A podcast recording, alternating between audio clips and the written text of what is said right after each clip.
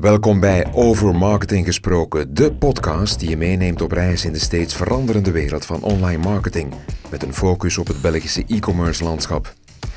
Ingrid Kleen, country manager van Line Belgium, is jullie host en zal iedere aflevering een expert onderwerpen aan een boeiende reeks vragen.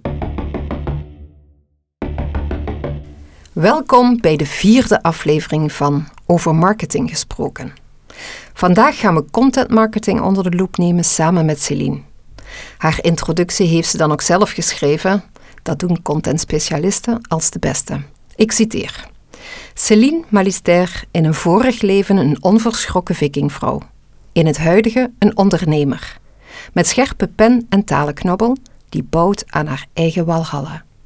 Meteen ook de naam van haar eigen sales- en brandingbureau en coworking space in Sint-Truiden. Als tolk Frans, Deens, Zweeds kijkt Celine Scandinavische krimis zonder ondertiteling. Daarnaast is ze ook zelf te zien als presentatrice op televisie en staat ze als host op podia in binnen- en buitenland. Waar ze tot dusver het meest trots op is, is haar roman Vrouw met kind, uitgegeven door Borgerhoff en Lambrechts in 2021. Of er nog een tweede boek komt, is voorlopig nog een mysterie. Maar aan contentcreatie in alle vormen in elk geval geen gebrek.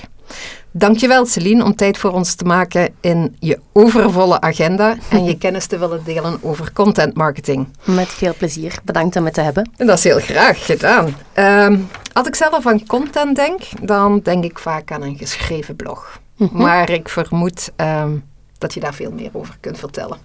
Ja, er zijn vele vormen van content, uiteraard. Hè. Mhm. Ehm, en inderdaad, mensen denken vaak in eerste instantie aan iets wat geschreven is.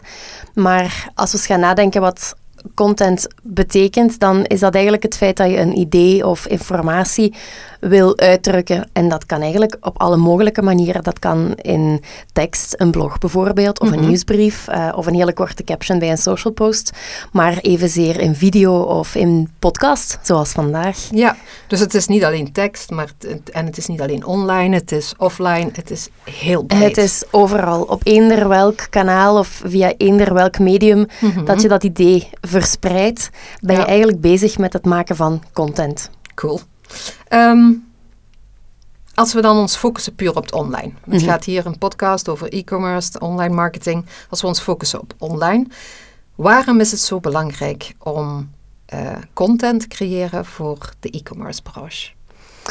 Wel, wanneer ik denk aan, aan een aantal klanten van mij, bijvoorbeeld mhm. ook bij Walhalla, die dan met een webshop willen starten, um, dan zie ik vaak dat ze het beschouwen als ik plant een boom. En mijn webshop is een mhm. boom.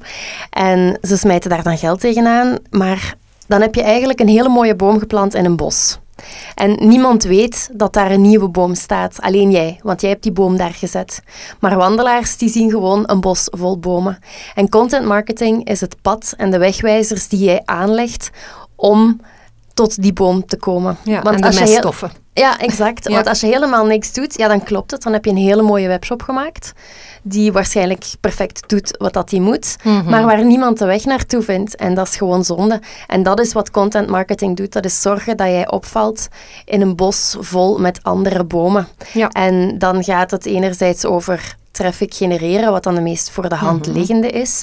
Maar uh, het gaat over elk moment van contact met je klant ervoor tijdens het koopproces op je webshop, maar zeker ook erna mhm. in klantendienst. We denken vaak dat content marketing stopt op het moment dat de klant heeft gekocht, maar er is ook nog de after. Ja, er is ook nog de erna, die uh, zo mogelijk nog belangrijker is. Um, om even een voorbeeld aan te halen. Ja, want um, eh, Loop earplugs zijn pas verkozen als mm start-up uh, van het jaar uh, door, uh, door het FIT. En um, ik ben een fan. Ik heb, ja, ik heb al, al een jaar of twee een paar Loop earrings um, enerzijds omdat ik mijn oren wil beschermen, maar anderzijds mhm. zien ze er ook super cool uit. Dus ik was ook heel blij om te kunnen bijdragen aan die start-up. Perfect product, mhm. marketing on point. Ja. En met dat ze gewonnen hadden uh, nu als start-up van het jaar, dacht ik, hey, ik volg hen eigenlijk nog niet op alle kanalen, op socials. Ik ga dat eens beginnen doen. En toen viel me op, Jezus, wat een slechte berichten ze kregen. Dus ze posten over een nieuw product dat ze pas gelanceerd hebben. eh, een soort eh, nektouwtje waar je Mhm. eh ear eh, loops aan kan vasthangen wanneer je ergens staat.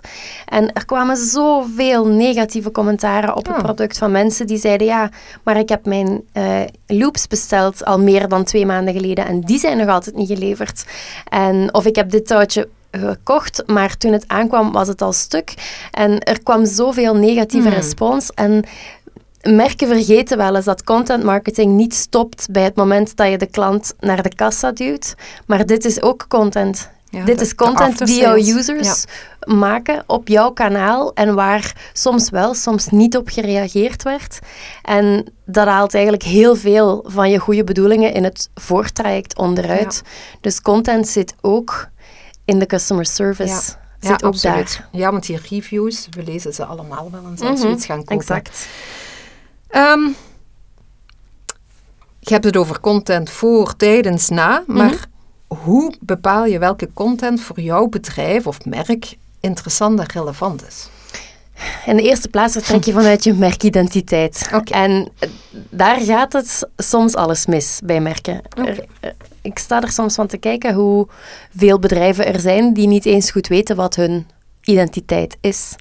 Die heel erg gericht zijn op wat is het imago dat ik wil uitstralen en wat wil ik dat mensen zien, maar die een beetje voorbij gaan aan wie zijn we eigenlijk aan de basis. En bij employer branding bijvoorbeeld is dat iets wat heel erg hard opvalt. Hè? Merken die zich echt gaan oppoetsen en polieren en zich aan de buitenwereld willen tonen. Ja. Op hun best, zeg maar. En dan komen er sollicitanten, kandidaten komen binnen en die ervaren daar iets helemaal anders. De identiteit en het imago stroken niet met elkaar. Mhm. Ja, en dan krijg je een soort breuklijn die echt heel lastig te herstellen is. Dus hoe bepaal je wat goede content is? Vertrek vanuit je identiteit. Waar sta je echt voor? Ja, wat zijn dus je je- waarden? Eigen DNA bepalen. Ja, klopt. Eh, wat is je missie? Waarom doe je wat je doet? Mhm. Voor wie doe je dat allemaal? Ehm, en dat verhaal ga je dan vormgeven. Ja. Ehm, een tweede keuze is wie is mijn doelgroep?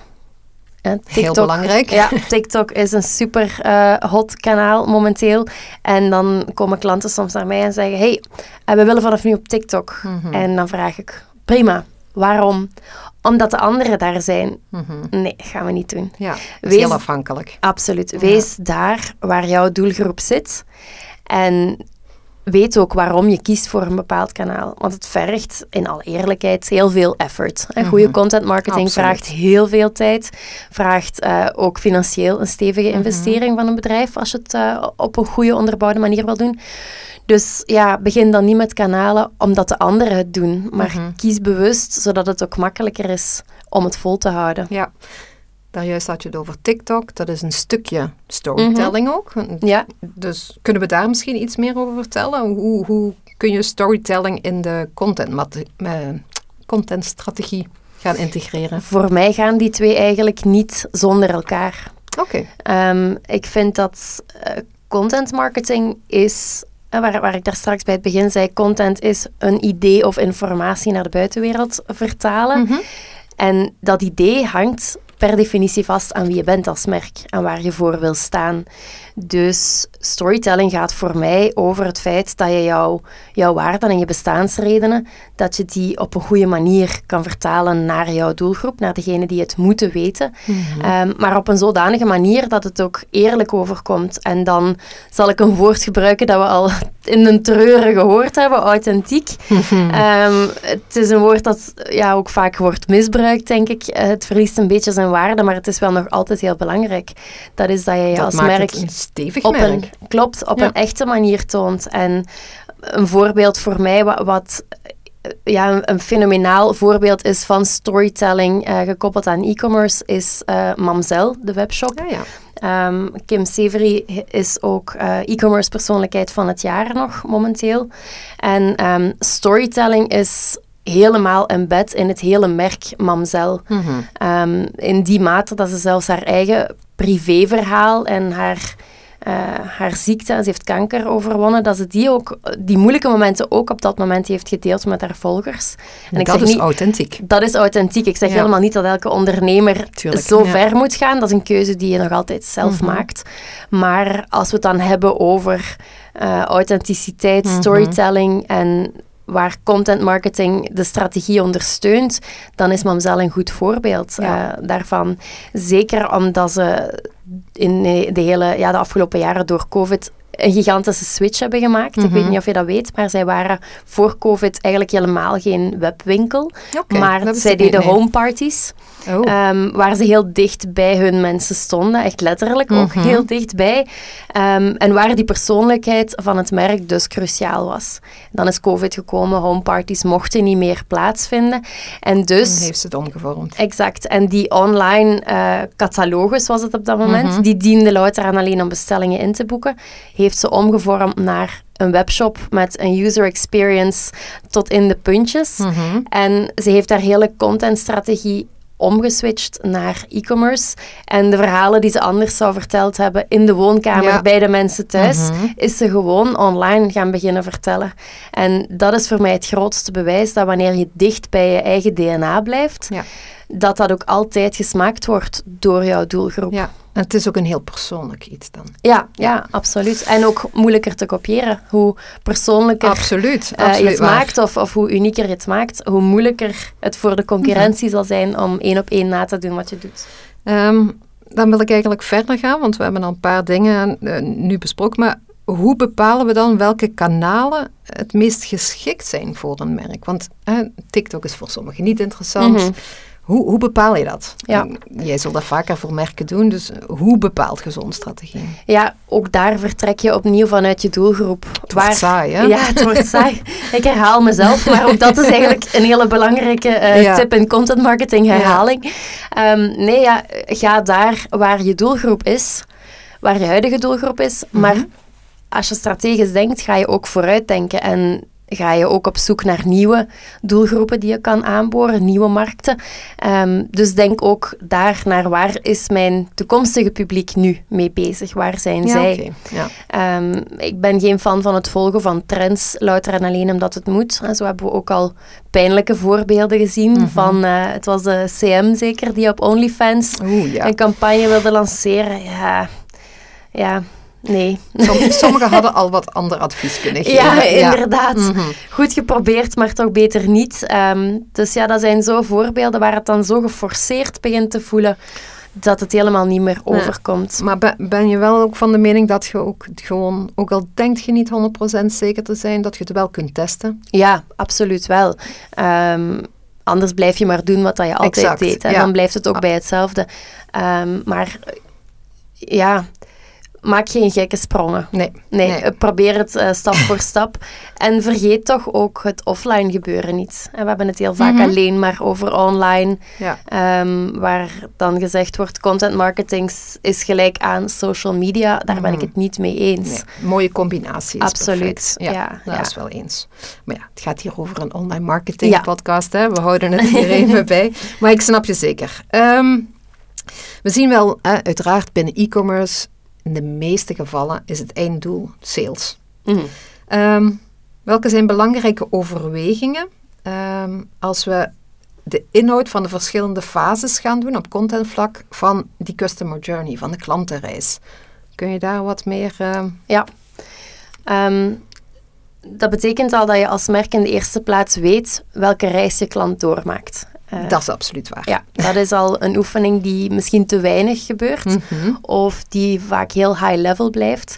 Um, en ja, waar het echt wel nuttig is om elk mogelijk touchpoint dat je klant heeft met jouw merk eens in kaart te gaan brengen. Dat is heel mooi, want Maarten, de mhm. vorige aflevering, heeft precies daarop ja? over gehad. Ja, dus tweemaal bevestigd. Dus ja, heel belangrijk. Ja. ja, absoluut. Um, er zijn heel veel kleine momentjes die ook onderschat worden mhm. in de klantenreis. We denken altijd aan die grote uh, piekmomenten. Maar het is vaak op de kleine onverwachte momenten dat je het verschil kan maken. En um, ja, dan, dan is er die de funnel zoals we die allemaal wel kennen, hè, waar je eerst heel breed al gaat zorgen dat je awareness creëert, Mhm. waar je op een andere manier gaat kijken dan dieper in de funnel. Hè. Dus in eerste fase ga je misschien nog niet heel gericht op jouw specifieke doelgroep mikken, maar ga je willen zoveel mogelijk mensen bereiken. Want het kan best zijn dat ik een product eh, verkoop dat zich richt op 60-plussers. En daar zit jij logischerwijs nog helemaal niet in, in die categorie, maar jouw ouders wel. Of je hebt misschien een tante waar je Mhm. supergoed mee opschiet, die wel helemaal in die doelgroep zit. Dus als jij eh, ja, aware bent dat mijn merk bestaat, ga je daar misschien thuis over praten en Mhm. leren zij het op die manier ook kennen. Dus er is helemaal niks mis mee om in de eerste fase heel breed te gaan. En dat kan je doen door net offline campagnes die daarvoor wel dankbaar zijn. Duurder ook wel Ja. vaak. Mhm. Ehm, en op online vlak kijken we dan naar advertenties die zowel heel breed als heel geniched uiteraard eh, doelgroepen kunnen raken. Dus dat is een goede. Ehm, verder ben ik ook fan van het inbouwen van automated flows. Als je doet Vertel even wat meer ja, als je al doet aan e-mail marketing, Mhm. en dan eh, denken heel veel bedrijven nu, e-mail marketing, dat is ik stuur een nieuwsbrief wanneer ik iets nieuws te melden heb. Mhm. Klopt.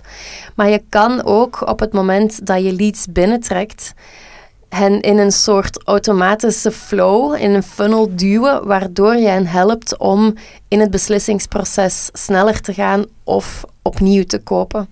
Eh, heel bekende flows daarvan zijn bijvoorbeeld eh, een birthday flow. Je hebt bij Ja. een merk op een bepaald moment wel eens aangegeven wanneer jouw verjaardag Mhm. is. En dan misschien twee weken op voorhand sturen ze jou al een mailtje met hey, je bent bijna jarig. Hier is een kortingscode. Als je nu een cadeau bestelt, dan heb je het zeker op je verjaardag thuis. De dag zelf krijg je nog eens een reminder, ehm, misschien met een leuk gifje erin om je verjaardag te vieren. En dat zijn allemaal dingen die ervoor zorgen dat je enerzijds dieper in die funnel gezogen wordt Mhm. en door die kortingscode meer geneigd Ja. bent om een eerste keer te bestellen of opnieuw te bestellen.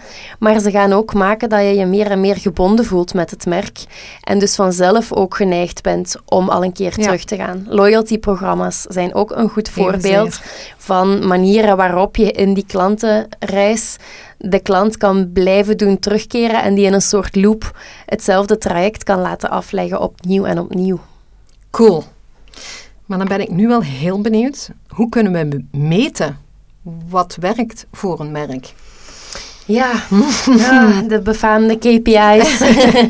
Ja, at the end willen we weten wat, we, wat werkt. ja, we En willen weten wat het oplevert. En uiteindelijk is dat altijd omzet, sales. Vaak wel. Ehm, er zijn zoveel manieren om te meten en wat je meet hangt ook wat af van waar voor jou de focus ligt, Ehm, denk ik. En je, je moet al echt een heel groot bedrijf zijn om een hele grote set aan metrics te stellen en heel goed te beheersen. Ik denk als kleinere webshop of, of lokale e-commerce speler dat je gewoon niet de tijd en de middelen hebt of misschien ook niet de kennis om zo doorgedreven te gaan. Eh, wat dan voor mij toch de basis zijn aan metrics is in de eerste plaats als je dan content maakt op social media bijvoorbeeld, hoe groot is je bereik Ja. en welk engagement zit daarachter? Op vlak van e-mail marketing gaat dat dan over hoeveel e-mailadressen heb ik nu, dus hoeveel mensen kan ik aanschrijven, maar ook hoeveel openen mijn nieuwsbrief, hoeveel klikken erdoor. Mhm. Een andere belangrijke is je websitebezoek. Je wil Ja. weten hoeveel mensen Mhm. er daar komen.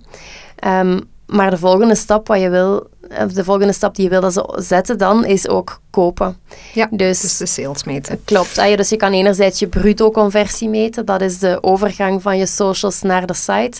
En je netto-conversie is van daaruit ook echt een sale doen. Ja. En dan kan je op vlak van e-commerce nog ver gevorderder gaan. Hè. Wat is de, het gemiddelde winkelmandje eh, wanneer iemand koopt? Tuurlijk. Hoe vaak komt iemand Ja. terug? eh, customer lifetime value, dat soort dingen. Maar ja. Beginnen hoor- met de basics is Ja. al heel flink. En ik hoor hier heel veel connecties met eh, zowel SEA, met Mhm. e-mail marketing. Mhm. Dus content staat op zich, maar ook heel erg gekoppeld aan de andere tools, andere facetten binnen online Absoluut. marketing. Absoluut. Dus het staat niet los. Het Nee, is altijd een nee. combinatie van. ja, zeker.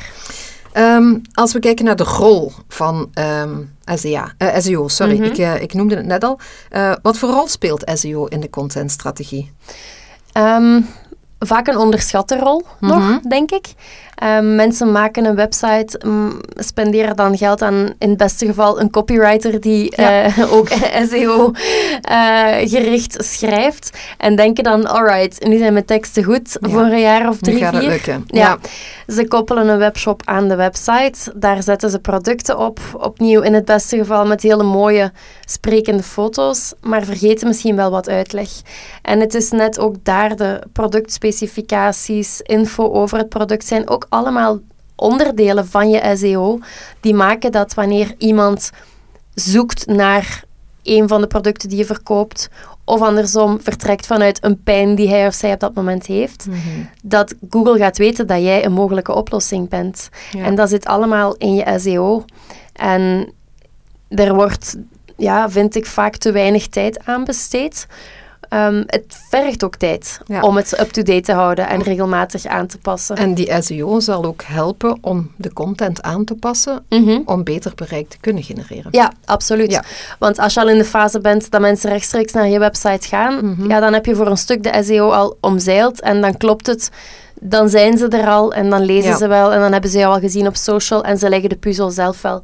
Maar SEO dient net om bovenaan de funnel mensen die nog niet weten dat je bestaat, Mhm. om hen in je funnel binnen te trekken en ervoor te zorgen dat ze vanaf daar mee in je pad gaan en je op social gaan volgen, zich inschrijven op de nieuwsbrief, in je automated flow komen, et Ja, cetera, et want die opleiding wat je nu doet, dat bedoelt je met de funnel, waar we het een paar keer over gehad hebben. Ja, Ja, ja, dus de klopt. verschillende waar je gaat van, Touchpoints. klopt, waar Ja. het bovenste is eh, dat je wil dat ze eh, je weten dat je Mhm. bestaat. Dus Ja. je gaat voor reach, brand awareness in de eerste plaats. Wat lager in de funnel zit je dan bij act. Je wil dat ze al iets van actie ondernemen, bijvoorbeeld je volgen op Instagram. Mhm. Ja, Zou al een, eh, een goede zijn. Dan zit je qua merksterkte al meer op het niveau van brand recognition. Ze herkennen Mhm. jouw merk al. Nog lager ga je richting conversie duwen. Dan ga je echt willen dat ze... Conversie kan ook zijn, schrijf in op de nieuwsbrief. Maar kan uiteraard ook zijn, koop. Dan zit je al op merksterkte van brand recall. Ik wil iets kopen en ik denk aan jouw Mhm. merk en ik ga daar Ja. zoeken of je het hebt. En het laagste punt van de trechter, dan zitten ze echt in je mandje, letterlijk en figuurlijk, is waar je op klanten eh, loyalty gaat inzetten. Ja. En waar je wil dat zij het woord voor jou gaan verspreiden. Dat is de best mogelijke beste positie. scenario. Ja, waar in dit geval Loop Earplugs dan nog wat werk aan de Ja. winkel heeft. Maar goed, hoge bomen vangen veel wind. Ja, dus eh, er absoluut. zijn altijd mensen die wel eh, iets negatiefs. Dus ik ga loop, want ik ben nog altijd fan hoor. Ja, ik ook, eh, absoluut. absoluut. ja. Ehm, ik ga het nog eventjes over AI hebben. Mhm. Content en AI. Zijn het vijanden of gaan ze vrienden worden? Ja. Vrienden is misschien veel gezegd. Laten we het ons houden misschien op goede buren. Ja, oh, dat is ook oké. Ook belangrijk, Ja. een goede buur. Ehm, je ziet vooral dat het de laatste jaren heel snel gaat. Heel de, snel. ehm, en op zich ben ik daar zeker voorstander van. Oké. Anderzijds Met een diepe je... zucht. Ja, met een diepe zucht. Want je zit hier natuurlijk tegenover eh, een tolk, talenknobbel, eh, schrijfster die eh, al honderd keer heeft moeten uitleggen dat copywriters nog steeds bestaansreden hebben, et cetera, et Mhm. cetera. Ehm, en Ik denk dat dat nog wel even gaat duren. Ja, hoor. zeker. En natuurlijk werken wij ook met, met AI en met Mhm.